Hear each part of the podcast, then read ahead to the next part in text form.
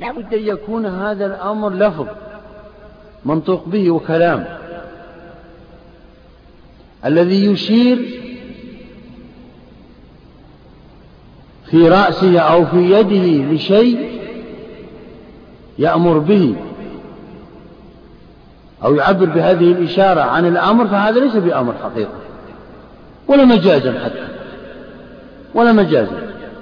إذا لم يكن معه قول يؤيده.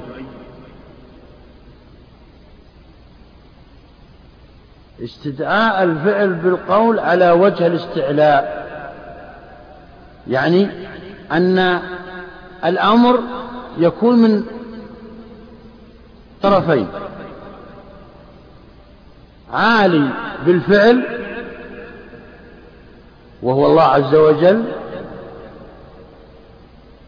والرسل والسلطان والأب والسيد.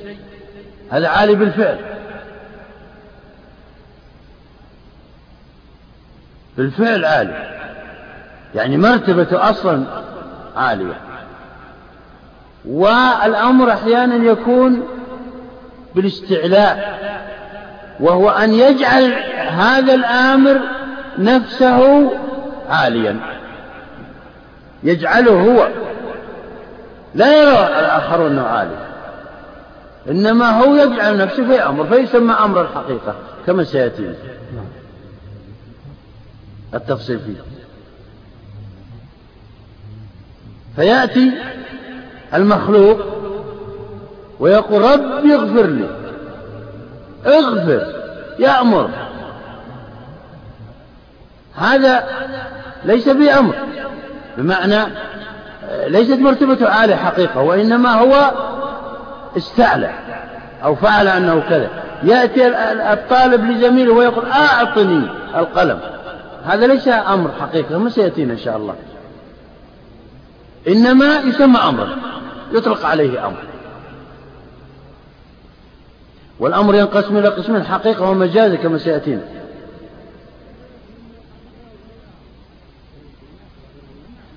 الأمر يكون للإيجاب ويكون للندب كما سيأتينا إن شاء الله. ويكون للاستعطاف والشفاعة والدعاء كما ستأتي إن شاء الله بالتفصيل. هذا المراد من هذا التعريف. نعم. الآن حد المناطق للأمر ما يكون مثلا يفك هذا النزاع؟ مثلا يقولون أمر مع استعلاء وعكسه دعاء وفي التساوي فالتماسا وقع هم عبروا بهذا عما قاله الأصول كما سيأتينا. الدعاء والشفاعة والالتماس وغير ذلك ستأتينا نعم نعم.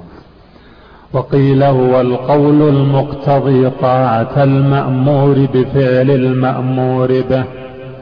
نعم. وهو فاسد. نعم. هو, هو القول المقتضي طاعة المأمور بفعل المأمور به. هذا كلامهم يقولون إن إن الأمر لا يكون أمرا إلا إذا اقتضى أن يطيع المأمور ويفعل المأمور به. هذا كلامهم وهذا فيه دور كما سيأتي. نعم. وهو فاسد إذ, إذ تتوقف معرفة المأمور على معرفة الأمر. والحد ينبغي أن يعرف المحدود فيفضي إلى الدور. نعم. هم الآن أركان الأمر هي الأمر والمأمور والآمر. الأمر والفعل المأمور به نعم. والآمر. هذا الكامل. لا تتبين هذه الأمور إلا إذا عرفنا الأمر. ما هو؟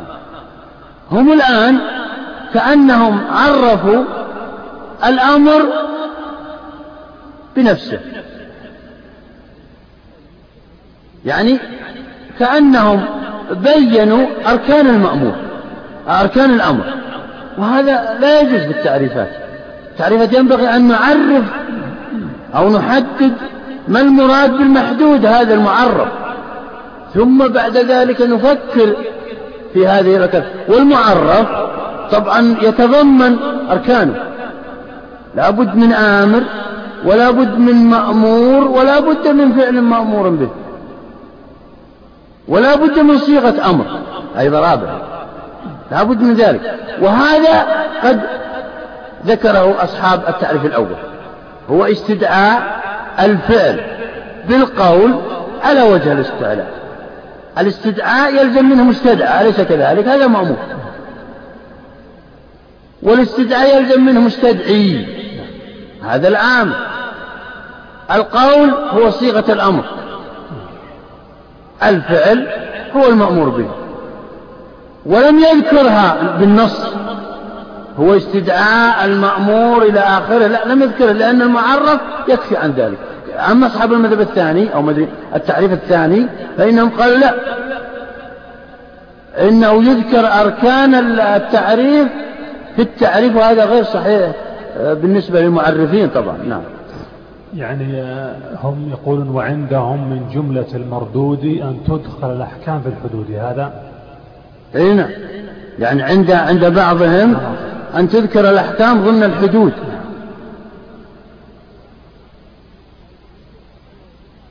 هو لفظة الأمر نفسه. إذا قيل هذا أمر انقدح في ذهن العارف والعارف للشريعة والعاقل أي عاقل أن هناك مأمور به وهناك فعل ما وهناك آمر وهناك مأمور وهناك صيغة بدون أنه يصرح بها هذه. لذلك لما قيل هناك العام هو المستغرق. اعترض عليه بعضهم قالوا إنكم عرفتوا الشيء بنفسه. العام هو المستغرق. فكيف تعرفون به. وهذا طبعا فيه دور وهو والدور عيب في التعريفات. نعم. فهو فاسد إذ تتوقف معرفة المأمور على معرفة الأمر. يعني بمعنى أنهم بينوا أنها أن بينوا المأمور. نحن لا نعرف المأمور أصلا إلا بعد معرفتنا للأمر للأمر.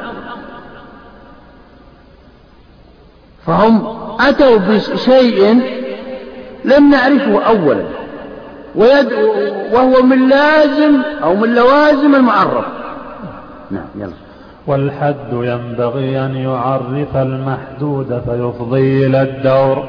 وللأمر صيغة مبينة تدل بمجردها على كونها أمرا إذا تعرت عن القرائن. نعم. هنا الجمهور يقولون إن الأمر له صيغة معروفة. افعل أو ليفعل عند العرب. إذا وردت في الكتاب أو السنة فإنها تفيد الأمر. أن أن هناك شيء مأمور به سواء أمر إيجاب أو أمر ند. نعم. وهي افعل للحاضر وليفعل للغائب هذا قول الجمهور. نعم. وزعمت فرقة نعم هذا المذهب الأول في هذا. هل للأمر صيغة أم لا يوجد له صيغة معروفة؟ نعم. طبعا الجمهور من أهل العقيدة السليمة أنهم قالوا إن الأمر له صيغة واضحة عند العرب والقرآن نزل بلغة العرب. نعم. وزعمت فرقة من المبتدعة أنه لا صيغة للأمر بناء على خيالهم أن الكلام معنى قائم في النفس. هذا الكلام سيتكرر في النهي وسيتكرر في العام وسيتكرر في المطلق في المطلق نعم. يقول لا صيغة للأمر ولا للنهي ولا للمطلق ولا للعام أبدا. لا يوجد صيغة واضحة جلية. إنما السياقات والقرائن هي التي تبين أن هذا أمر أو هذا نهي أو هذا عام أو هذا خاص أو هذا إلى آخره. كما سيأتي. نفس الخلاف هنا سيأتينا هناك. سيتكرر. ضعوها في أذهانكم هذه المسألة. وهي أن نفس الكلام سيتكرر هنا. وهو وهم أكثر أو الأشاعرة يقولون هذا الكلام. هم الذين يقولون إن, إن المرادات في النفس في النفوس. وليست في الألفاظ. كما سيأتينا من الجواب عن ذلك. نعم. يعني أن كلام الله بغير حرف ولا صوت. سيأتينا. نعم. فخالفوا الكتاب والسنة وأهل اللغة والعرف. نعم خالفوا بكلامهم إن الكلام نفسي. بينما أهل السنة والجماعة يقول أن الكلام لفظي وليس وليس نفسي. لا نعرف أن هذا أمرا وأن هذا نهيا أو عاما أو خاصا أو مطلقا أو مجملا أو غير ذلك إلا من اللفظ. النفوس الداخلية وما يختلج في القلوب لا نعلم عنها ونحن لا نعلم الغيب.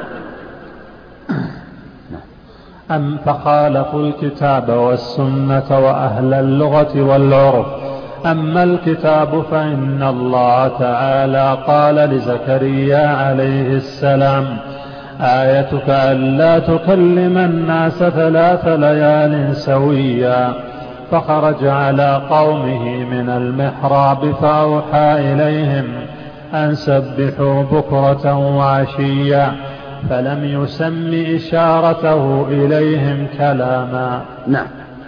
نهى الشرع نهى عن الكلام. خرج وأومأ إليهم إيماء بأن يكثروا من التسبيح. فامتثل الأمر عرف أن الكلام هو المتلفظ به. هذا يدل على أن الكلام هو المتلفظ به والمنطوق به والذي والذي يسمعه السامعون. أما شيء في, في, في النفس فهذا لا يعلم عنه. نعم. وقال لمريم فقولي إني نذرت للرحمن صوما فلن أكلم اليوم إنسيا فالحجة فيه مثل الحجة في الأول. نعم. نهاها؟ طبعا والنفي نهي أن تكلم أحدا. وفعلا امتثلت لهذا الأمر. وأشارت إشارات فقط. الإشارة ليس بكلام. هذا يدل على أن الكلام هو الملفوظ به وأن الأوامر والنواهي يتلفظ بها لا ليست التي في النفوس نعم. وأما السنة فإن النبي صلى الله عليه وسلم قال إن الله عفى لأمتي عما حدثت به نفسها ما لم تتكلم أو تعمل به. نعم. هنا كذلك. على حديث النفس لا يؤاخذ فيه الإنسان. لو حدث نفسه بأنه سيقتل سيذبح سيفعل سيترك سيطلق سيأكل حرام سي كذا لا. لا يمكن. إنما الكلام هو الذي سيؤاخذ به. فيما يكون سببه الكلام طبعا. نعم. وقال لمعاذ رضي الله عنه أمسك عليك لسانك. هذا يدل على أن الكلام النفسي وما يختلط في النفوس لا يسمى كلاما. ليس مثل ما قالوا لأن هناك كلام نفسي. نعم. نعم.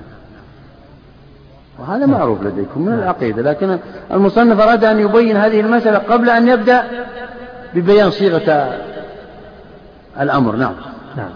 وقال لمعاذ رضي الله عنه أمسك عليك لسانك. قال وإنا لمؤاخذون بما نقول. قال ثكلتك أمك. وهل يكب الناس على مناخرهم إلا حصائد ألسنتهم؟ نعم. وهل يكب الناس على مناخرهم في النار إلا حصائد ألسنتهم؟ هذا يدل على أن الإنسان يفعل ما يشاء بينه وبين نفسه. لكن إذا تكلم اغتاب أو نم أو سب أحدا أو نحو من ذلك فإنه سيؤاخذ فيه. حتى أن الأشياء التي في النفس لا تسمى كلاما بصرف النظر أنهم يسمونهم كلام نفسي. الكلام لو رجعنا إلى إلى العرب وعاداتهم فإنه هو المتكلم المتلفظ به الذي يفهمه السامعون. حتى قال بعضهم أيضا إنك لو تكلمت وليس عندك أحد لا يسمى كلاما ولا خطابا. لو أمرت نفسك نهيت نفسك آه، شققت على نفسك في الأوامر والنواهي لا يسمى كلاما إذا لم يوجد أحد أمامك نعم. وقال إذا قال الإمام ولا الضال ولا الضالين فقولوا آمين. ولم يرد بذلك ما في النفس. فقولوا. القول هو المنطوق به كما سبق في تعريفه المتكون من حروف وجمل. وجمل. ثم قال قولوا آمين. وهنا كان النبي صلى الله عليه وسلم يسمع قول المأمومين هذا و ويرتج لكلامهم أو لقولهم آمين المسجد. ولا ينكر ذلك. فلو كان المقصود بالقول ما في النفوس لورد الإنكار أو الغضب منه أو آه، بيان عدم إزعاجه بهذا أو نحو من ذلك ما بان شيء. نعم. وأما أهل اللسان فإنهم اتفقوا عن آخرهم على أن الكلام اسم وفعل وحرف. نعم. يعني الآن انتقل إلى كلام أهل اللغة. الكلام هو اسم وفعل وحرف. غير ذلك مفهومه يدل على أن الذي لا ينطق بهذه الأمور الثلاثة ليس بكلام. نعم. واتفق الفقهاء بأجمعهم على أن من حلف لا يتكلم فحدث نفسه بشيء دون أن ينطق بلسانه لم يأنف ولو نطق حنث نعم. يعني الأول الاستقراء والتتبع من كلام أهل اللغة. الثانية استقراء وتتبع كلام الفقهاء. لو حلف وقال لا أكلم أحدا اليوم. وحدث نفسه بما شاء. فإنه لا يحلف. ولا تجب عليه كفارة اليمين. نعم. وهذا يدل على أنه ليس بكلام نعم. وأهل العرف كل كل وأهل العرف كلهم يسمون الناطق متكلما ومن عداه ساكتا أو أخرس. وهذا طبعا من استقراء كلام أهل العرف وأهل العادة. نعم يلا ومن خالف كتاب الله تعالى وسنة رسوله صلى الله عليه وسلم وإجماع الناس كلهم على اختلاف طبقاتهم فلا يعتد بخلافه. نعم. هو هو قال هناك وفرقة مبتدعة مكابرة معاندة. سموا ما يختلج في النفس كلام النفس. وهذا غير صحيح لأنه يعارض الكتاب والسنة والإجماع وكلام العرب وأعرافهم واستقراء ما أجمع عليه الفقهاء. وغير ذلك. فإذا عاند وخالف بعد ذلك فإنه يسمى معاند ومكابر. والمكابر والمعاند لا يعتد بقوله. وإضاعة للوقت أنك تناقشه وتخاصمه بأدلة. نعم. وأما الدليل على أن هذه صيغة الأمر فاتفاق أهل اللسان على تسمية هذه الصيغة أمرا. نعم. الآن يستدل على أن كلمة افعل أو ليفعل صيغة أمر فاستدلوا بأهل اللغة بكلامهم وألسنتهم واستعمالاتهم الموجودة في الكتب اللغوية لسان العرب والصحاح وغيره والقواميس المتعددة أنهم يسمون هذه أوامر افعل أو ليفعل افعل للحاضر. والمستقبل وليفعل للمستقبل للحاضر وليفعل للمستقبل. نعم. ولو قال رجل ولو قال رجل لعبده أسقني ماء عد آمرا وعد العبد مطيعا بالامتثال وعاصيا بالترك مستحقا للأدب والعقوبة. نعم. الأول الدليل الأول على أن تلك الصيغة افعل أو ليفعل صيغة أمر هو استقراء وتتبع كلام العرب كما سبق. الدليل الثاني هو آه، قصة السيد مع عبده يسميها الأصوليون وهو وهي آه، ما يلزم من هذا الأمر. فإذا قال السيد لعبده أسقني ماء فإنه إذا أسقاه ماء يستحق المدح وإذا لم يسقه فإنه يستحق الذم ولا يجوز أن يستحق الإنسان المدح أو الذم إلا بدليل شرعي لا يمكن أن يعاقب الإنسان أو يثاب بالمدح إلا بدليل شرعي. فما دام الأمر كذلك إذا هذه تفيد, تفيد الأمر. ولو عاقبه مع أنه أسقاه ماء للامه عقلاء أهل اللغة. للام عقلاء أهل اللغة السيد أنه يعاقبه مع أنه نفذ الأمر وهذا يدل على أن هذا تدل على الأمر إذا وردت في الكتاب والسنة. نعم. فإن قيل هذه الصيغة مشتركة مشتركة بين الإيجاب كقوله تعالى. أي نعم المعترض يقول إن افعل وليفعل ليست للأمر الذي يقتضي الوجوب. أو, أو الأمر الحقيقي. وإنما هناك وإنما تستعمل افعل أو ليفعل لأغراض أخرى. إذا تكون ليفعل ويفعل مشتركة بين الأمر الحقيقي الذي يقتضي الوجوب كما سيأتينا وبين هذه المعاني التي ستأتي. قال هنا. فإن قيل هذه الصيغة مشتركة بين الإيجاب كقوله تعالى أقم الصلاة والندب كقوله يعني تستعمل للإيجاب أولا. وهي الأمر الحقيقي. أقيموا الصلاة وغيرها من, من الأوامر والنواهي. والأوامر الموجودة في الكتاب والسنة. تستعمل. لا شك أنها تستعمل له. كذلك تستعمل لغير هذا. قال والندب كقوله تعالى فكاتبوهم. فكاتبوهم إن علمتم فيهم خيرا. أمر الرسول صلى الله أمر الله عز وجل بأن يكاتب السيد عبده بأن يبيع السيد على عبده نفسه أن يشتري العبد نفسه من السيد على أقساط يسددها فيما بعد. قال الله عز وجل إن علمتم فيهم خيرا الإسلام والمسلمين بيعوا أنفسهم عليه وتأتيكم الأقساط فيما بعد. هذا الأمر لو دققنا فيه لوجدنا أنه للوجوب.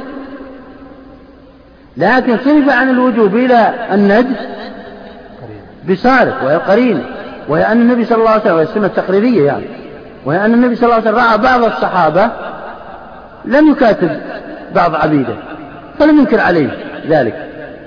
وهذا يدل على أن الأمر للندب ولو كان الوجوب لأنكر عليه ذلك. مع أن فيه خير. هذا العبد نعم. وإنما هي للوجوب ولغير الوجوب. فلماذا جعلتها للوجوب؟ إذا اللفظة مجملة ولفظة مشتركة بين الوجوب وبين المعاني الأخرى. فتخصيصكم على أنها الأمر الحقيقي هذا تخصيص بدون مخصص. نعم.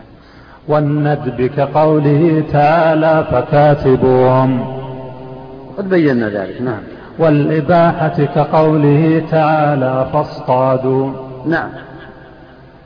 هي هذا الأمر للإباحة وليس للوجوب ولا للندب. آه، فإذا حللتم فاصطادوا هنا الآية وردت أمر. ولكن هذا الأمر آه، لو دققنا فيه لوحده بمجرده لا لا اقتضى الوجوب. ولكن هناك قرينة دلت على أنه للإباحة لأنه ورد بعد حظر. الحظر والنهي أن المحرم ينهى عن أن يصيد من أن يصيد بمعنى يصيد صيدا وهو في حال الإحرام. آه قال تعالى فإذا حللتم فاصطادوا يعني بمعنى أنكم آه، عودوا على ما كنتم عليه. وهذا للإباحة يعني لا يجب على الإنسان أن يصيد ولا بمعنى يأثم لو لم يصد ولا يندب بأن يؤجر إذا صاد إنما عاد الأمر كما هو عليه في قبل الحظر. فهذه قرينة تدل على أن الأمر للإباحة نعم. لأنه ورد بعد حظر كما سيأتي. والإكرام كقوله تعالى ادخلوها بسلام. نعم ادخلوها. يعني ليس الأمر هذا للوجوب. يجب أن تدخلوها. ولا للندب ولا للإباحة. إن شئتم تدخلوها وإن شئتم لا تدخلوها.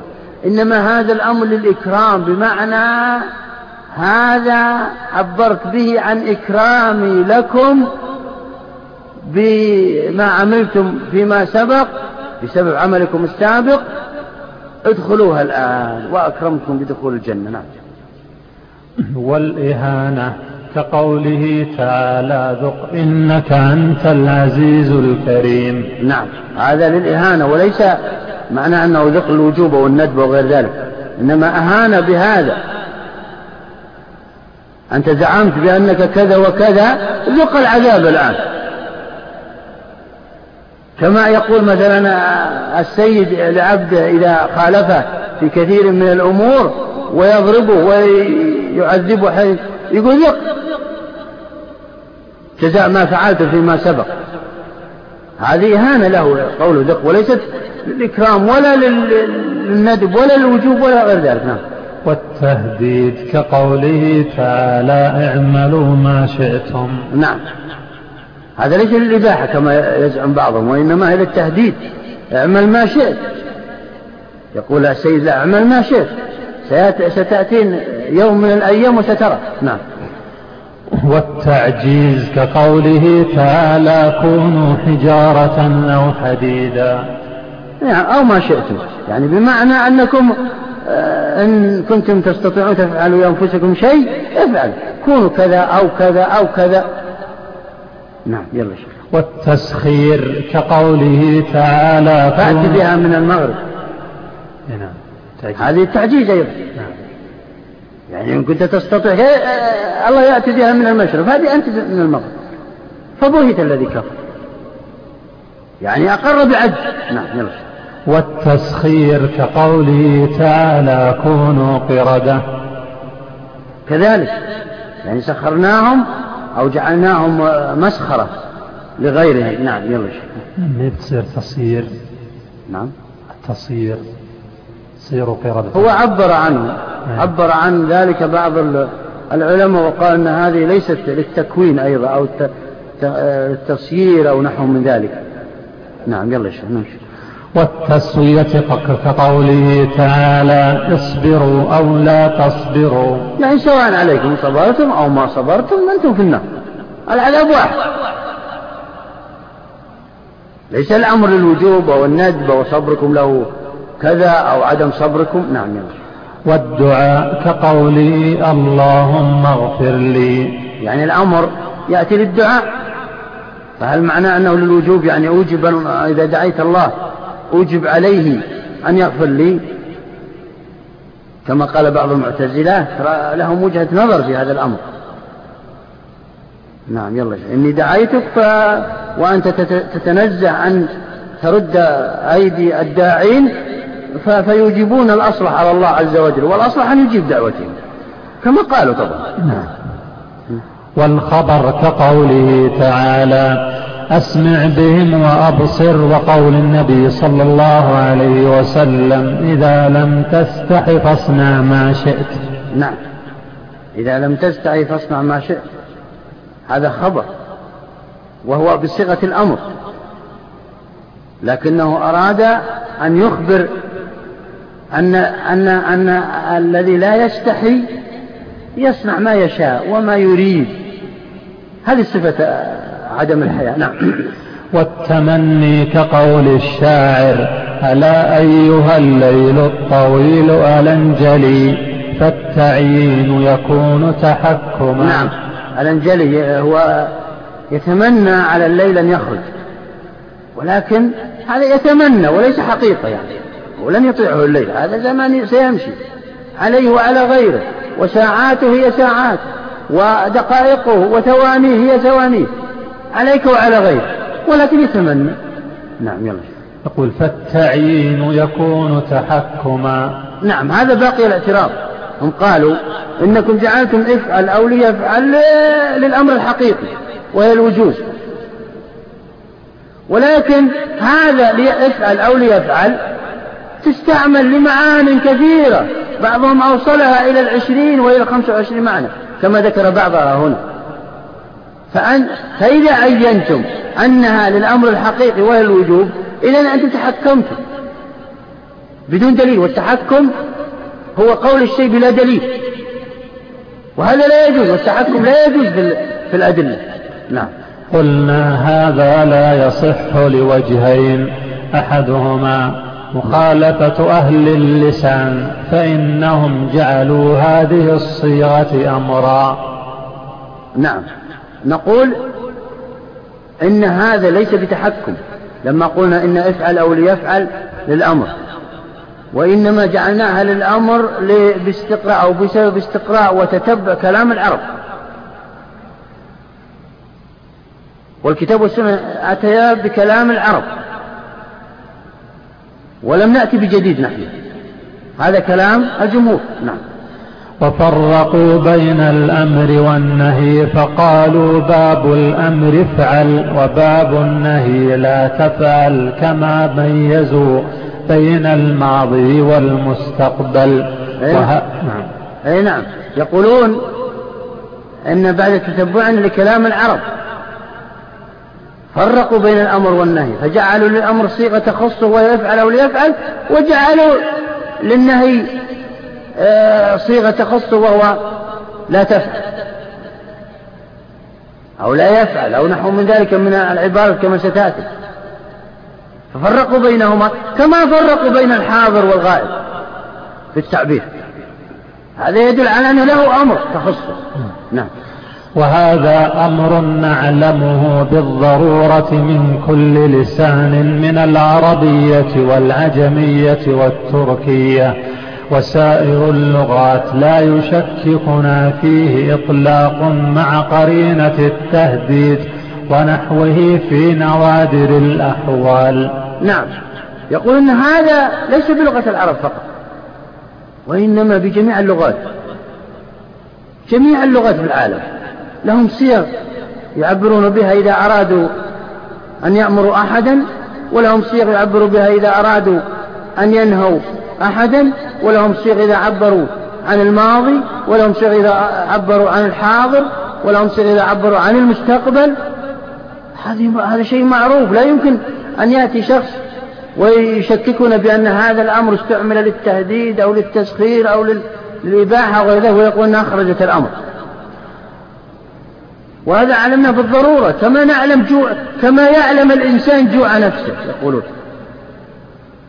الإنسان الآن يحكم على نفسه بأنه جوعان أو عطشان أو يريد النوم. ضرورة علم بها. بدون أي مقدمات. كذلك نعلم هذه الأمر. ولا فرق ترى.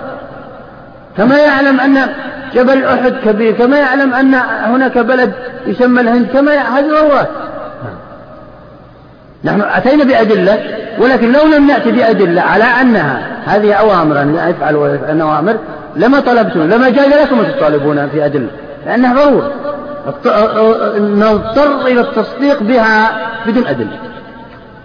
نعم. الثاني أن هذا يفضي إلى سلب فائدة كبيرة من الكلام وإخلاء الوضع عن كثير من الفائدة.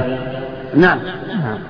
يقول, لو يقول هنا المجيب لو قلنا بأن تلك الصيغة مشتركة بين الأمر الحقيقي وهو الوجوب وغيرها من المعاني التي ذكرتموها آه لخلت أو للزم من ذلك خلو أكثر ألفاظ الكتاب والسنة من الفائدة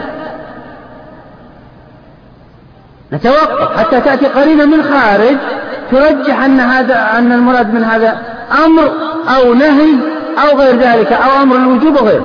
هذا غير صحيح. وهذا غير صحيح. هذا يلزم منه أن تتعطل جميع الأحكام الشرعية لأن أكثرها أوامر ونواهي. بل جلة. أكثرها جلها أوامر ونواهي. نعم. وفي الجملة فالاشتراك على خلاف الأصل. لأنه يخل بفائدة الوضع وهو الفهم. فالصحيح أن نعم. هذا جواب من الأجوبة. هم زعم المعترض زعم بأنه بأنها مشتركة. افعل أو ليفعل بين الوجوب الأمر الحقيقي وبين غيره. أجاب وقال إن الاشتراك خلاف الأصل. يعني كون اللفظة واحدة ولها معاني كثيرة لا نرجع أحد على الآخر هذا خلاف الأصل. الأصل في اللغة العربية أن تكون كل لفظة لها معنى معين. هذا الأصل. وهذا الذي ورد فيه أو يرجح المعنى الظاهر يعني أحد المعاني ترجح. أما كون لفظة لها معاني لا نرجع أحد على الآخر هذا يقولون خلاف الأصل. ولا ولم ترد فيها الشريعة إلا ضرورة. ولم ترد في اللغة العربية إلا ضرورة. فينبغي أن نحمل اللفظ على معناها المقطوع به أو الظاهر أو الظاهر. وهذا متمشي مع القواعد اللغوية والشرعية. بأي طريق من الطرق نحاول أن نحملها على أحد المعاني ونعمل به. وإلا تعطلت أكثر الأحكام إذا قلنا بأن بأن هذه الأوامر والنواهي أو افعل أو ليفعل مشتركة بين هذا الأمر الحقيقي وبين غيره. لا بد أن نتوقف ما نعمل حتى تأتي قرينة ترجح أحد المعاني. وهذا يعطل الشريعة كلها ترى لو دققت. نعم. قال لأنه يخل بفائدة الوضع والفهم. نعم يخل. لا شك. بفائدة الوضع اللغوي لكل عبارة لكل لفظة لمعناها. والفهم لا يفهم أحد المقصود من الآيات والأحاديث. إذا قلنا بأنها مشتركة اللفظ افعل أو ليفعل مشتركة بين الأمر الحقيقي وهو الوجوب وبين غيره من الأوامر. إنما نحملها على الوجوب وهو الأمر الحقيقي ونعمل بذلك فإذا جاءت قرينة تدل على أن المراد بذلك الندب أو التسوية أو الدعاء أو غير ذلك من المعاني المذكورة والتمني وغير ذلك فإننا نحمل عليه. إذا جاءت قرينة أما الواجب نحمل, نحمل, نحمل ذلك على أنها أمر حقيقي ونعمل به. إذا جاءتنا كلمة افعل أو ليفعل نعم. فالصحيح أن هذه صيغة الأمر ثم تستعمل في غيره مجازا مع القرينة كاستعمال ألفاظ الحقيقة بأسرها في مجازها والله أعلم. قال هنا ما سبق. أن بيناه وهو أن الصحيح أن نحمل هذه اللفظة على أنها أمر حقيقي وأنها تقتضي الوجوب كما سيأتينا إن شاء الله المسألة هذه مستقلة. ولا نحملها على أي معنى من المعاني التي ذكرتموها إلا بقرينة. ودليل معتبر. كما قلنا هناك في الحقيقة. إذا دار اللفظ بين الحقيقة والمجاز فإن نحملها على الحقيقة. ولا نحملها على المجاز إلا إذا إلا إذا اقترنت قرينة وحالت دون أن نحملها على الحقيقة. نعم. فصل ولا يشترط في كون الأمر أمرا إذ إرادة الآمر في قول الأكثرين. نعم. الجمهور يذهبون إلى أنه يجوز أن يأمر الآمر وهو لا يريد إيقاع المأمور به. يقول يسمى أمرا وإن لم يرد أن يوقع هذا المأمور به أو الفعل. إنما يأمر ويأتي بهذه الصيغة نسمى نسميها أمرا ونسميها أيضا أمرا حقيقيا. مع أنه لا يريد وقوع المأمور به لا يريد من المكلف أن يمتثل المأمور به يسمى أمرا. لكن بعض العلماء خالفوا أو بعض نعم الطوائف. قال. وقالت المعتزلة إنما يكون آمرا بالإرادة وحده بعضهم بأنه إرادة الفعل بالقول على وجه الاستعلاء. نعم اشترطوا هذا. بعض المعتزلة اشترطوا أن يكون الفعل المأمور به مرادا إيقاعه إن لم يرد الآمر إيقاع المأمور به فلا يسمى أمرا. حقيقة. يسمى أمرا مجازا يسمى غير ذلك هذا ليس لذلك عرفوا أو بعضهم عرف الأمر بقوله هنا هو نعم قالوا بأنه إرادة الفعل بالقول على وجه الاستعلاء. نعم. إرادة الفعل بالقول على وجه الاستعلاء. لم يقل استدعاء الفعل. لم يقل استدعاء هنا بالأول. قال إرادة الفعل. بالقول يعني إرادة أن يفعل المأمور به. أخذوا كل التعريف الأول هناك. إلا قول استدعاء تركوه. وعبروا بالإرادة. لأنهم يشترطون الإرادة إرادة تطبيق وامتثال المأمور به وإلا لا يسمى أمر الحقيقة يقولون ولكن الجمهور خالفوه قالوا أبدا. يجوز أن يأمر الشارع أو غيره بالشيء ولا يريد امتثاله ويسمى أمرا وهذه ترى لها أثر يا جماعة في أصول الدين. نعم. يعني تفريق بين الإرادة الكونية والشرعية. نعم. نعم. وحده بعضهم بأنه إرادة الفعل بالقول على وجه الاستعلاء. قالوا لأن بعضهم. يعني بعض المعتزلة نعم. قالوا لأن الصيغة مترددة بين أشياء فلا ينفصل الأمر منها مما ليس بأمر إلا بالإرادة. نعم. يقولون هنا في دليلهم على اشتراط الإرادة إن الأمر الحقيقي والأمر غير الحقيقي يشتركان لا نفرق بينهما. إلا بالإرادة. إذا كان الآمر أراد إيقاع المأمور به أراد إيقاع المأمور به وامتثالا من المأمور فإن هذا هو الأمر الحقيقي وهو الذي يفصل الأمر الحقيقي عن غيره من المعاني السابقة. أما إذا لم يرد فإنه يختلط بغيره. فالإرادة هي التي تفصل يقولون. كأنهم جعلوا الإرادة هي الفاصلة بين ذلك المعنى الأمر الحقيقي والواجب والذي يقتضي الوجوب وبين غيره من المعاني. نعم.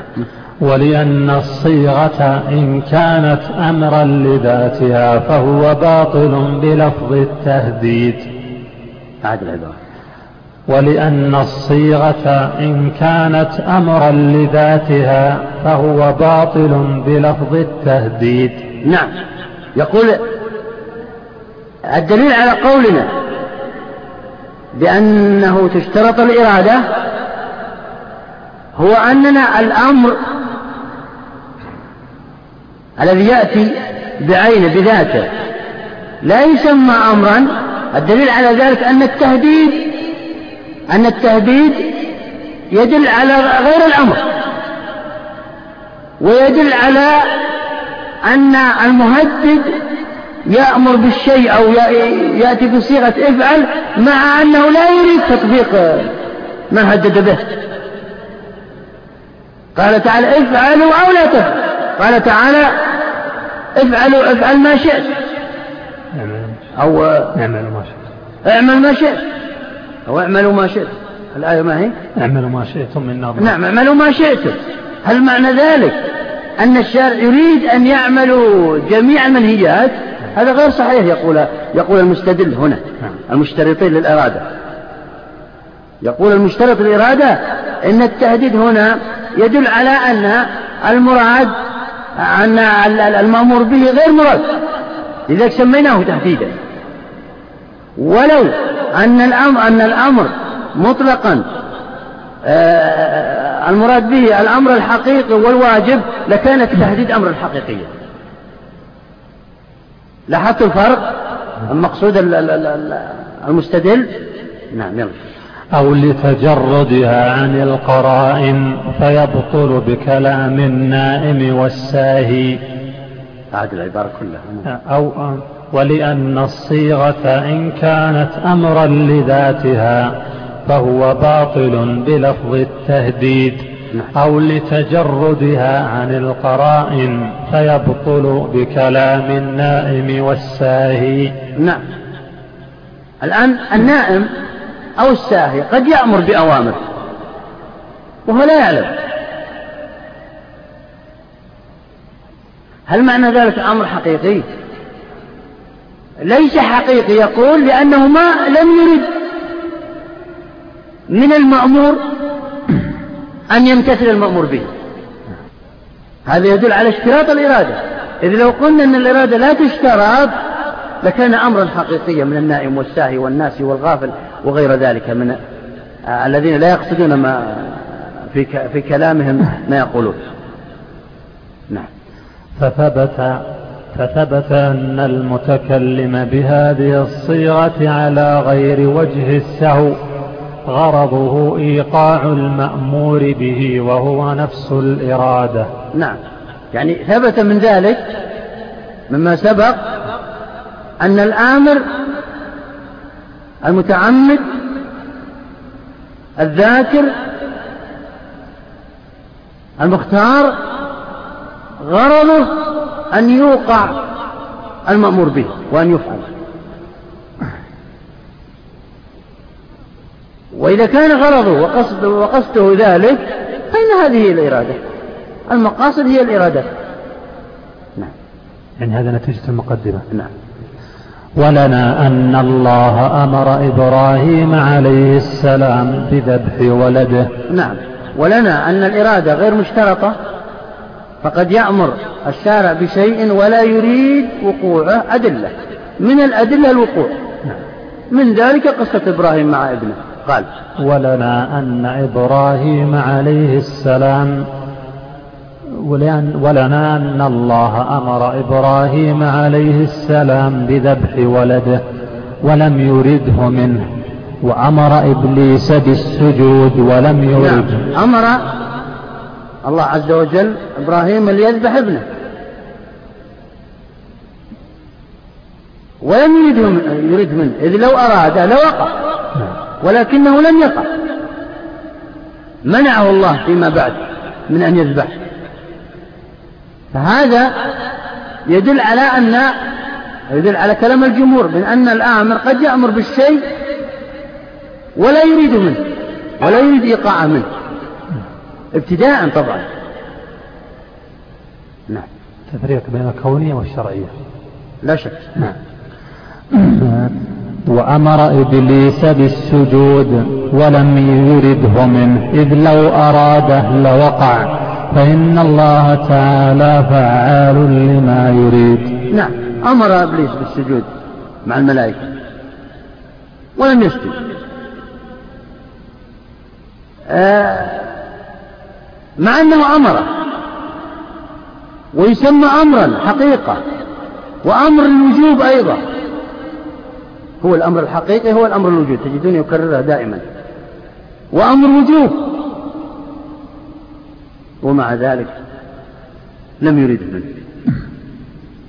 لم يرد امتثال المأمور به إذ لو أراد لوقع ما المانع؟ لأن الله سبحانه كما قال فعال لما يريد. نعم. دليل. ولا يجوز البداء على الله. نعم. لا يجوز البداء بمعنى أمره أولا كما قال المعتزلة. أمر إبراهيم وأمر إبليس. ثم بعد ذلك بدأ. لله. أن أن ينسخ هذا الأمر أو أن يبدله بغيره. هذا لا يجوز على الله عز وجل. البداء على المخلوقين يبدو له غير ما أمر به في الأول. هذا ممكن. يعني بدا له ما كان خافيا عليه. نعم هذا ممكن للمخلوقين. أما على الله فلا يجوز. دليل وهذا ذهب بيانه بالتفصيل في النسخ. نعم. دليل ثاني أن الله تعالى أمر بآداء الأمر بآداء الأمانات بقوله إن الله يأمركم أن تؤدوا الأمانات إلى أهلها ثم لو ثبت أنه قال والله ثم لو ثبت أنه لو قال والله لأودين أمانتك إليك غدا إن شاء الله فلم يفعل لم يحنث ولو كان مرادا لله لوجب أن يحنث فإن الله تعالى قد شاء ما أمره به من أداء أمانته. نعم. هذا مثال من الفروع. إن الله أمر بأداء الأمانات. لو قال شخص سأعطيك أمانتك غدا. إن شاء الله. إن شاء الله. عبر بهذا التعبير. ف أو والله يعني عبر باليمين. قال إن شاء الله. فإذا لم يعطه فإنه لا يحنث لا يحنث لماذا؟ لأنه عبر بمشيئة الله واستثنى. يقول ما شاء ما شاء الله. لو شاء أعطيت هذا يدل على أن الله يأمر بالشيء ولا يريد إيقاعه إنما يريد الحث عليه ويريد الامتحان والابتلاء. لأن كما قلنا فيما سبق أن الأوامر والنواهي تأتي مجملة أو لا يراد منها حاليا امتثالها للامتحان والابتلاء ولبيان استعداد بعض المكلفين من عدم استعدادهم. نعم. دليل آخر أن دليل الأمر كما أن دليل الأمر. ما ذكرنا عن أهل اللسان وهم لا يشترطون الإرادة. نعم. أهل أو العرب طبعا نزل الكتاب والسنة بلغة العرب كانوا يسمون هذا الشيء يفعل أو لا يفعل أمرا. مطلقا. لم يشيروا أو يشير واحد منهم. إنه لا يسمى أمرا إلا إذا أراد أن المأمور به يفعل. أبدا. ما وجدنا في الاستقراء كتب آه، اللغة. نعم. ولا أشاروا إلى هذا ولا أوموا نعم. إليه. نعم.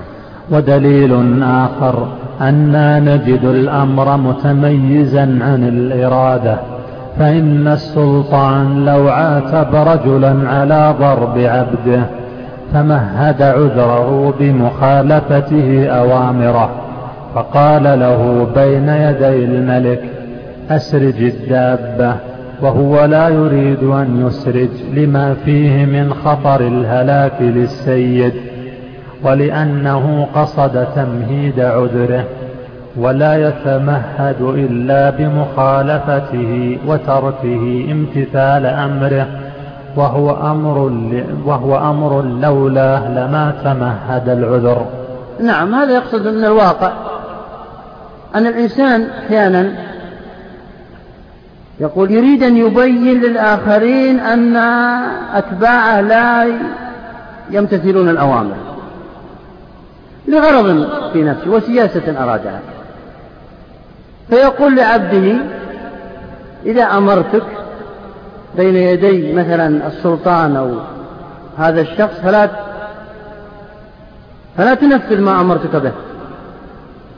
فيأتي به بين يدي السلطان أو غيره فيأمره.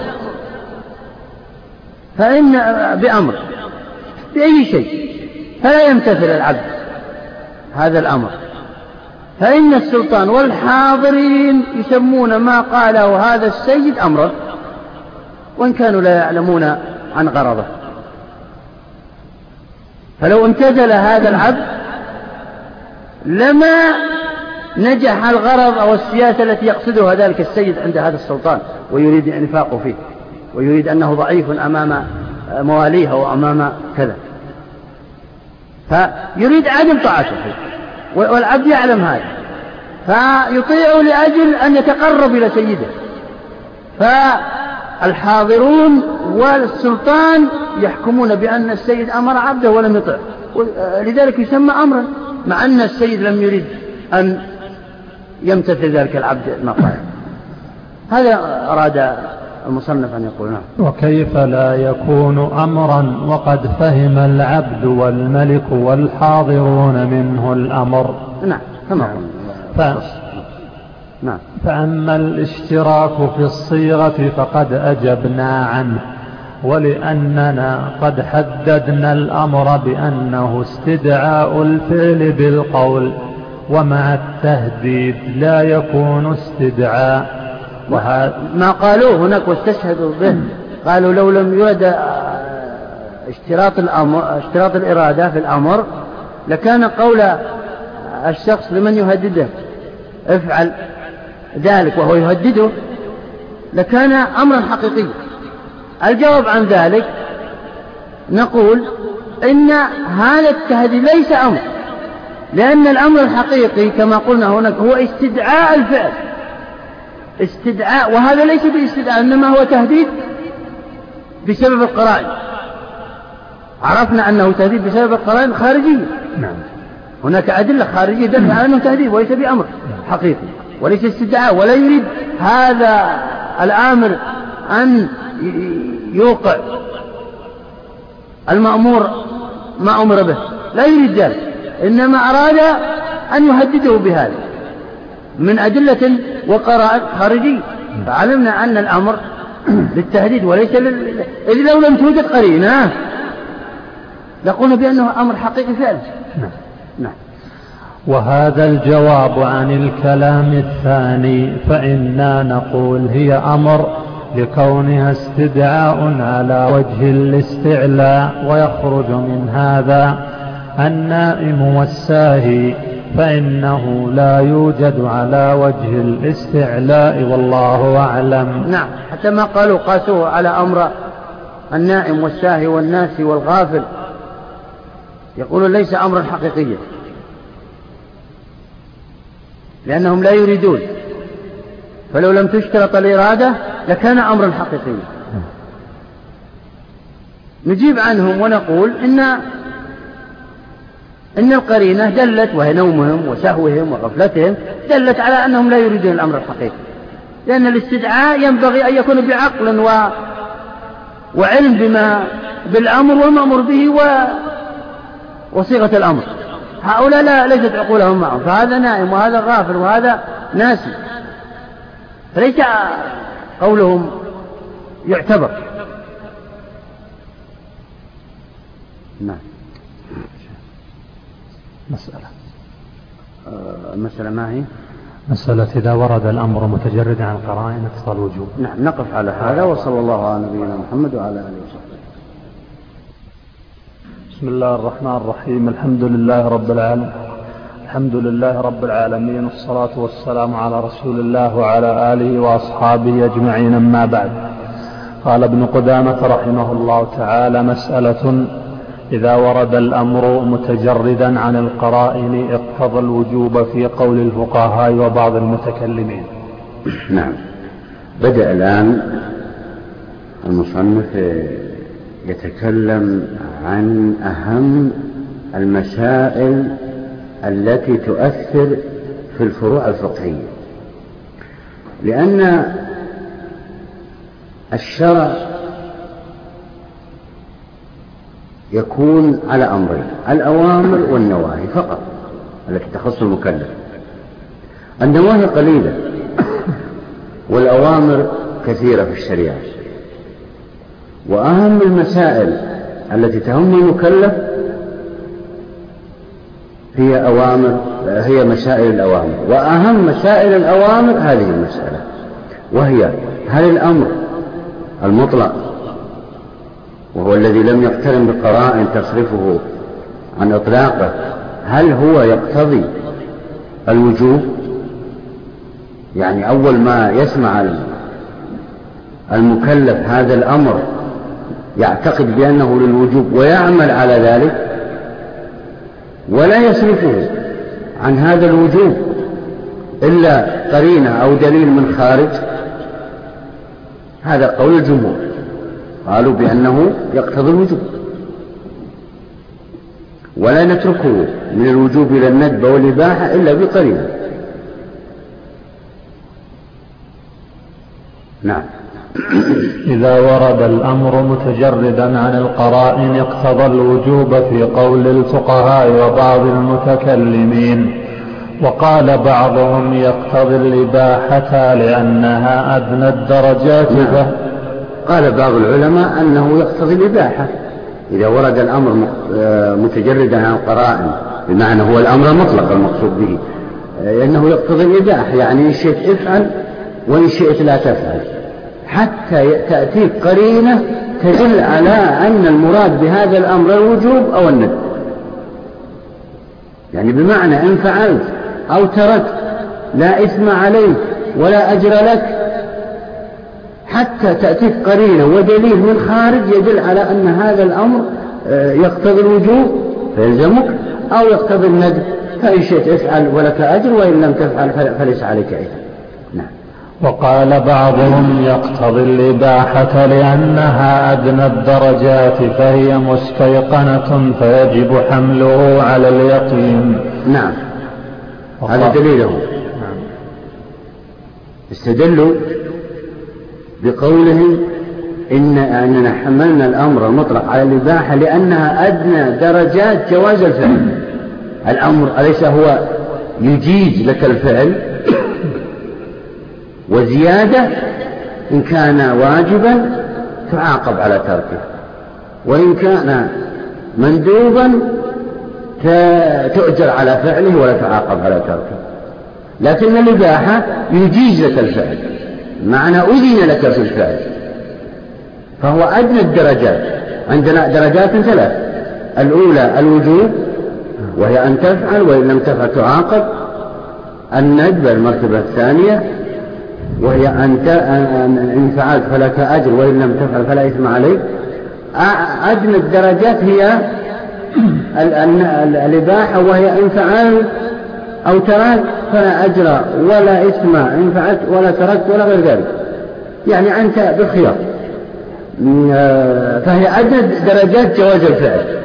ليس فيه كراهة ولا تحريم لأنه ما بعد ذلك إلا الكراهة ثم التحريم.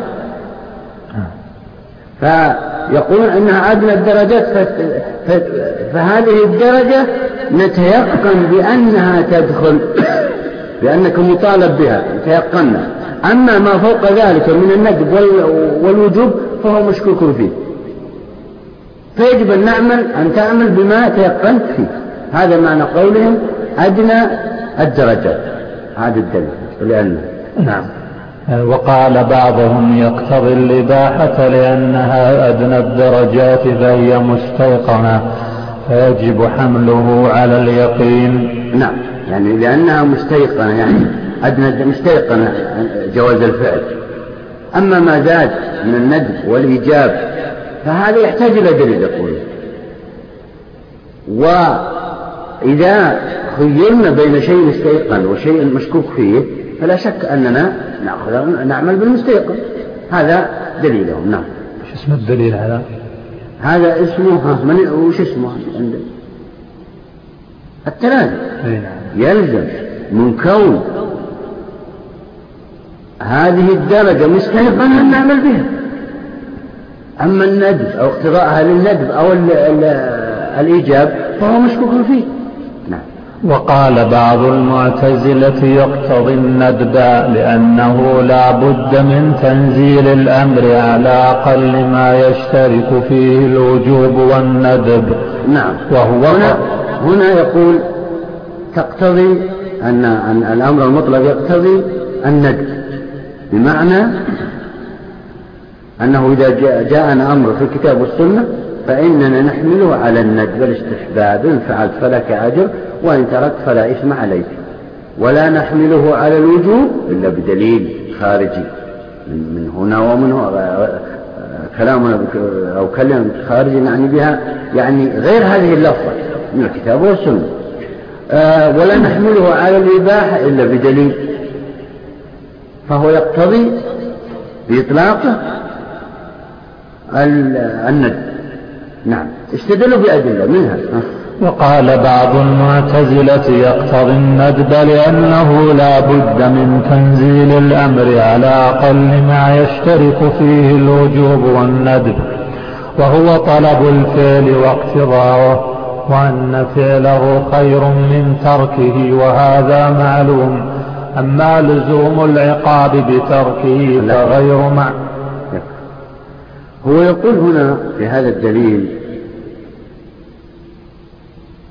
إن الأمر يلزم منه طلب الفعل. يلزم منه وليس جواز الفعل كما قال أصحاب الإباحة.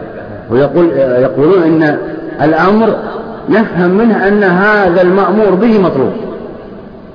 وأدنى درجات الشيء المطلوب هو المندوب. هو المندوب أدنى درجاته لأنه لأنه لأن المندوب إن شئت فعلت فلا ولك أجر وإن تركت فلا إثم عليك. فلا إثم عليك. أما الوجوب فهو في درجة أعلى. في درجة أعلى. إن فعلت فلك أجر وإن تركت فعليك إثم. ففيه نوع تضييق. فيقول هذا الندب هو أقل درجات الطلب. لأن الطلب ينقسم إلى قسمين طلب الفعل بطلب جازم فهذا الوجود. طلب الفعل بصيغة وطلب غير جازم وهذا المندوب أما الإباحة أما الإباحة فليس فيها طلب حتى نقول تدخل في في في يعني اقتضاء الأمر.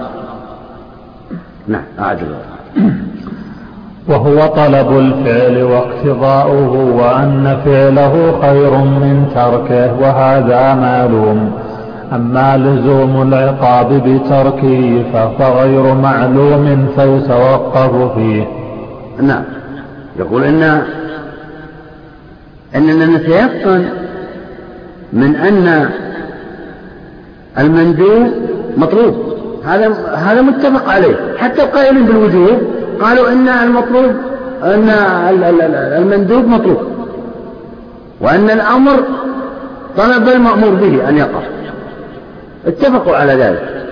يقول أما كونه يعاقب على تركه فهذا يحتاج إلى دليل إذا لا نحمله على الوجوب حيث أنه يعاقب على تركه إنما نحمله على المندوب لأن لأنه مطلب وأنه خير من فعله. لم يأمر الشارع به إلا لأنه بهذا المأمور به أن يقع إلا لأنه خير من فعله والله لا يأمر إلا بما هو أصلح للعباد. وهذا وهذه قاعدة عند المعتزلة. فلذلك نحمله على الخيرية هنا. ولا نحمله على الوجوب الذي تقتضيه العقاب على تركه. نعم. ولأن الأمر طلب والطلب يدل على حسن المطلوب لا غير والمندوب حسن فيصح طلبه وما زاد على ذلك درجة لا يدل عليها مطلق الأمر ولا يلزم منه. نعم. يقول لأن الدليل الثاني لهم أن الأمر طلب. والشارع إذا طلب شيء يكفيه أن يعمل بأدنى درجات المطلوب. وأدنى درجات المطلوب هو المندوب. لأنه حسن. هنا استدلوا بقاعدتهم الأخرى التحسين والتقدير. الأولى الدليل الأول اعتمدوا فيه على قاعدتهم أن الله يجب عليه الأصلح هذه قاعدة عندهم. لذلك اعتمدوها في دليلهم الأول. الدليل الثاني اعتمدوا على قاعدة أخرى وهي التحسين والتقبيح. فهنا يقول إن المندوب حسن. إذ لو لم يكن حسنا لما طلب الشارع وقوعه. لما طلب الشارع وقوعه. فهنا آه، نكتفي به لحسنه. أما ما زاد عليه وهو العقاب على تركه فهذا يحتاج إلى دليل. يحتاج إلى دليل لأن العقاب أمر من من الأمور المهمة في الشريعة. فلا بد من دليل قوي عليه لا يكتفى بمطلق الأمر. نعم. ولأن الشارع يأمر بالمندوبات والواجبات معا فعند وروده يحتمل الأمرين معا فيحمل على اليقين. نعم. الدليل الثالث لهم أن الشارع أمر بالواجبات والمندوبات. فإذا جاءت صيغة تحتمل هذا وهذا فإنه إبراء لذمتنا نحمله على المندوب على الذي تيقنا منه. لا نحمله على الواجب لأن نكلف العباد بأشياء واجبة بدون دليل قوي. فلذلك إبراء لذمتنا وأن المندوب مستيقن فإننا نحمله على المندوب. ولا نحمله على ما زاد على ذلك. نعم.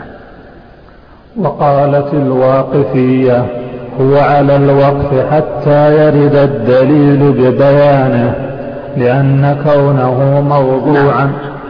الواقفية المقصود بهم هنا ليس الواقفية في أصول الدين وإنما هم الأشاعرة هنا في هذه السير هم قالوا هنا في هذا الكلام في هذا الموضوع إننا لا نحمل الأمر على على شيء لا على الوجوب ولا على الند ولا على الإباحة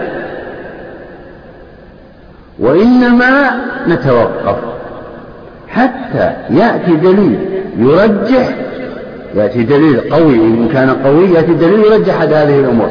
فإن كان في صيغة الوجوب حملنا على الوجوب. وإن, كان وإن لم يكن فيها صيغة للوجوب وإنما آه الدليل يقتضي الند حملناه عليه. وإن كان فيه صيغة الإباحة حملناه عليه. إنما نتوقف لا نحمله على أحد هذه الأمور.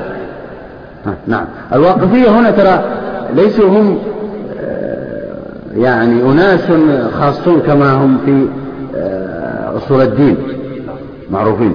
إنما هنا لكل مسألة يعني جماعة توقفوا في الفروع. ترى أصول الفقه من باب الفروع وأكررها دائما من باب الفروع لأن أصول فقه نعم. وقالت الواقفية هو على ال... إذا فهو أصول بالنسبة للفقه. نعم. أقول هو أصول بالنسبة للفقه. أي نعم هو هو قواعد. تنبني عليها الأحكام الفرعية يعني لابد من قواعد الله. لكل حكم قاعدة أو دليل. لذلك سموه أصول الفقه. وقالت الواقفية هو على الوقف حتى يرد الدليل ببيانه لأن كونه موضوعا لأحد هذه الأقسام. إما أن يعلم بنقل أو عقل ولم يوجد أحدهما فيجب التوقف فيه. نعم. هنا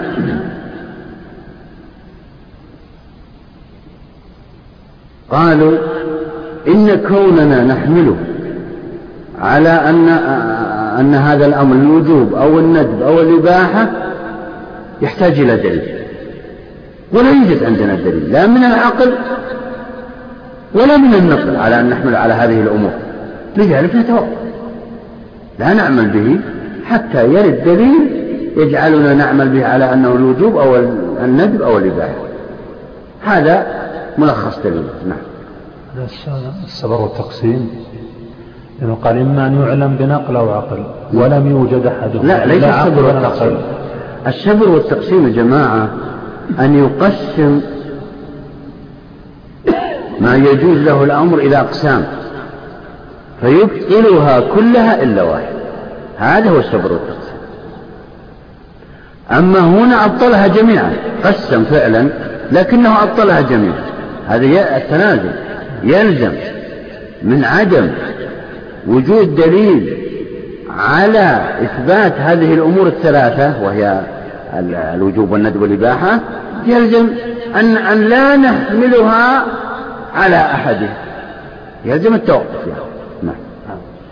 ولنا ظواهر الكتاب والسنة والإجماع وقول أهل اللسان. نعم آه الآن عاد إلى مذهب الجمهور وهو أن الأمر يقتضي الوجوب. الأمر المطلق والمتجرد عن القرائن يقتضي الوجوب واستدل بأدلة كثيرة منها أولا أما الكتاب فقوله تعالى فليحذر الذين يخالفون عن أمره أن تصيبهم فتنة أو يصيبهم عذاب أليم.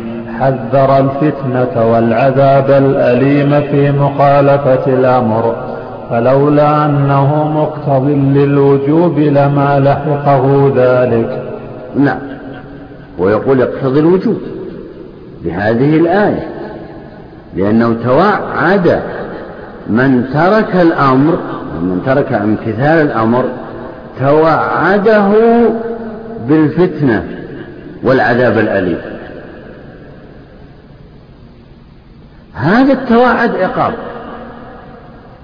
ولا يعاقب ولا يعاقب الشارع إلا على ترك واجب. فيلزم أن الأمر يقتضي الوجوب قال فليحذر الذين يخالفونه يعني بمعنى الأمر المطلق يقتضي الوجوب إذ لو لم يكن يقتضي الوجوب لما عاقب من خالفه بهذا بهذه المعاقبة وهي الفتنة والعذاب الأليم.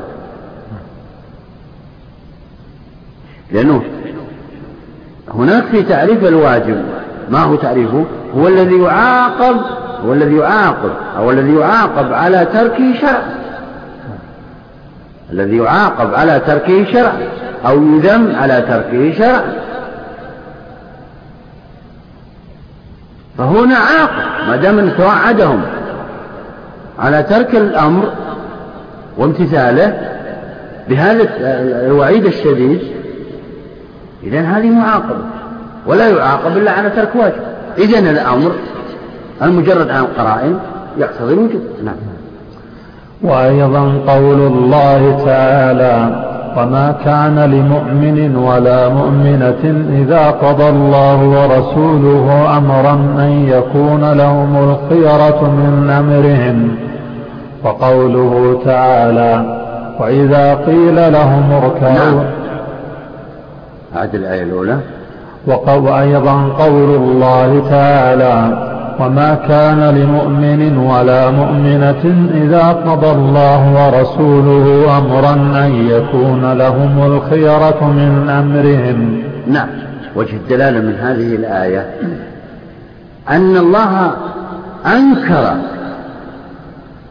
على من لا يمتثل أمر الله وأمر رسوله وهذا الإنكار ذنب وعقوبة وهذا يدل على أن الأمر يقتضي الوجوب. إذ لو لم يكن يقتضي الوجوب لما عاقب تاركه بهذا العقاب. نفس وجه الدلالة السابق إلا أن يختلف بعض الاختلاف. وكما سيأتي من الآيات والأحاديث. نعم. وقوله تعالى وإذا قيل لهم اركعوا لا يركعون ذمهم على ترك امتثال الأمر والواجب ما يذم بتركه. نعم. وإذا قيل لهم اركعوا لا يركعوا هذا آه، وردت هذه الآية في سياق الذم. ولا يذم إلا على ترك واجب. وما دام أنه ذم على ترك واجب إذن الواجب يقتضي آه، إذن الأمر يقتضي الوجوب. وإذا قيل لهم أركعوا هذا أمر مطلق. وذمهم على تركه. ولا يذم على الترك إلا إذا كان المذموم عليه واجب لأنه عقاب كما قلنا في تعريف الواجب. نعم. ومن السنة ما روى البراء بن عازب رضي الله عنه أن النبي صلى الله عليه وسلم أمر أصحابه رضوان الله عليهم بفسخ الحج إلى العمرة. فردوا عليه القول فغضب ثم انطلق حتى دخل على عائشة رضي الله عنها غضبان. فقالت من أغضبك؟ أغضبه الله. قال صلى الله عليه وسلم وما لي لا أغضب وأنا آمر بالأمر فلا أتبع. لاحظوا قال وأنا آمر بالأمر فلا أتبع. معناه إذا أطلق الأمر يقتضي الوجوب. إذ لو لم يكن مقتضيا للوجوب لما غضب لما خالفوه. وغضبه صلى الله عليه وسلم هو غضب الله عز وجل. إن هو إلا وحي يوحى. ليس غضب شخصي بينه وبين أناس مخالفة شخصية إنما غضبه شرعي بسبب الوحي. لذلك غضب الشارع هذا عقاب. ولا يعاقب إلا على ترك واجب. إذا الأمر المطلق يقتضي الوجوب قال وما لي لا أغضب وأنا آمر فلا أتبع. معناه أن الأمر إذا أطلق يقتضي الوجوب وإلا لما غضب الشارع لهذا. لو كان يقتضي النجس ما حصل هذا حتى في القرآن. فكاتبوهم إن علمتم فيهم خيرا. بعض أغنياء الصحابة الذين عندهم عبدا يكاتب عبدا يكاتب عبدا يعني يبيع على نفسه. مع أن العبد فيه خير. ومع ذلك ما غضب النبي صلى الله عليه وسلم. بل أقره عليه. هذا يدل على أنه على أن المكاتبة آه، نافلة. ندب لكن هنا لا غضب. هذا يدل على أن الأمر هنا للوجوب. نعم. يكون على الفور أيضا دليل على الفور. سيأتينا إن شاء الله الفور وسيأتي تفاصيل. نعم. فإن قيل هذا في أمر اقترن به ما دل على الوجوب. قلنا النبي صلى نعم اعترض معترض من القائلين بأن الأمر يقتضي الندب أو الإباحة يقولون إن إن هذا لا يدل على أن الأمر يقتضي الوجوب لوحده لا يدل على أن الأمر مجرد وإنما هناك قرائن وإنما هناك قرائن احتفت بالأمر جعلته يقتضي الوجوب إذا دليل لنا للقائلين بأنه يقتضي الندب والقائلين بأنه يقتضي الإباحة يقول لا يقتضي الوجوب إلا بإيه؟ بأدلة. هذا دليل لنا يقولون. الجواب قلنا النبي صلى الله عليه وسلم إنما علل غضبه بتركهم اتباع أمره. ولولا أن أمره للوجوب لما غضب من تركه. نعم. نحن يقول الجمهور إن النبي صلى الله عليه وسلم لما غضب وقالت له أم المؤمنين لما غضبت؟ علل وقال إنهم تركوا الأمر فقط. ما لي لا أغضب وأنا آمر بالأمر فلا أطاع. يعني يعني علل بالأمر. كأنه يقول لما لم يطيعوني بالأمر على سبيل الوجوب غضبت لأنهم خالفوا أمر الله. نعم. وقول النبي صلى الله عليه وسلم لولا أن أشق على أمتي لأمرتهم بالسواك عند كل صلاة والندب غير شاق فدل على أن أمره اقتضى الوجوب. نعم. هذا الدليل الثاني من السنة على أن الأمر المطلق يقتضي الوجوب. لولا أن أشق على أمتي لأمرتهم بالسواك. لأمرتهم. هذا يدل على أن الأمر فيه مشقة. والمشقة لا توجد إلا في إيش؟ إلا في الوجوب. لأن الواجب ما هو؟ إن فعلت فلك أجر وإن لم تفعل فعليك إثم. هذا هو الحرج وهذه المشقة. والندب ليس كذلك.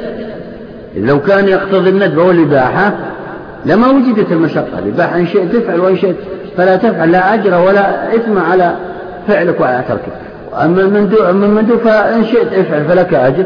وإن, وإن لم تفعل فليس عليك إثم.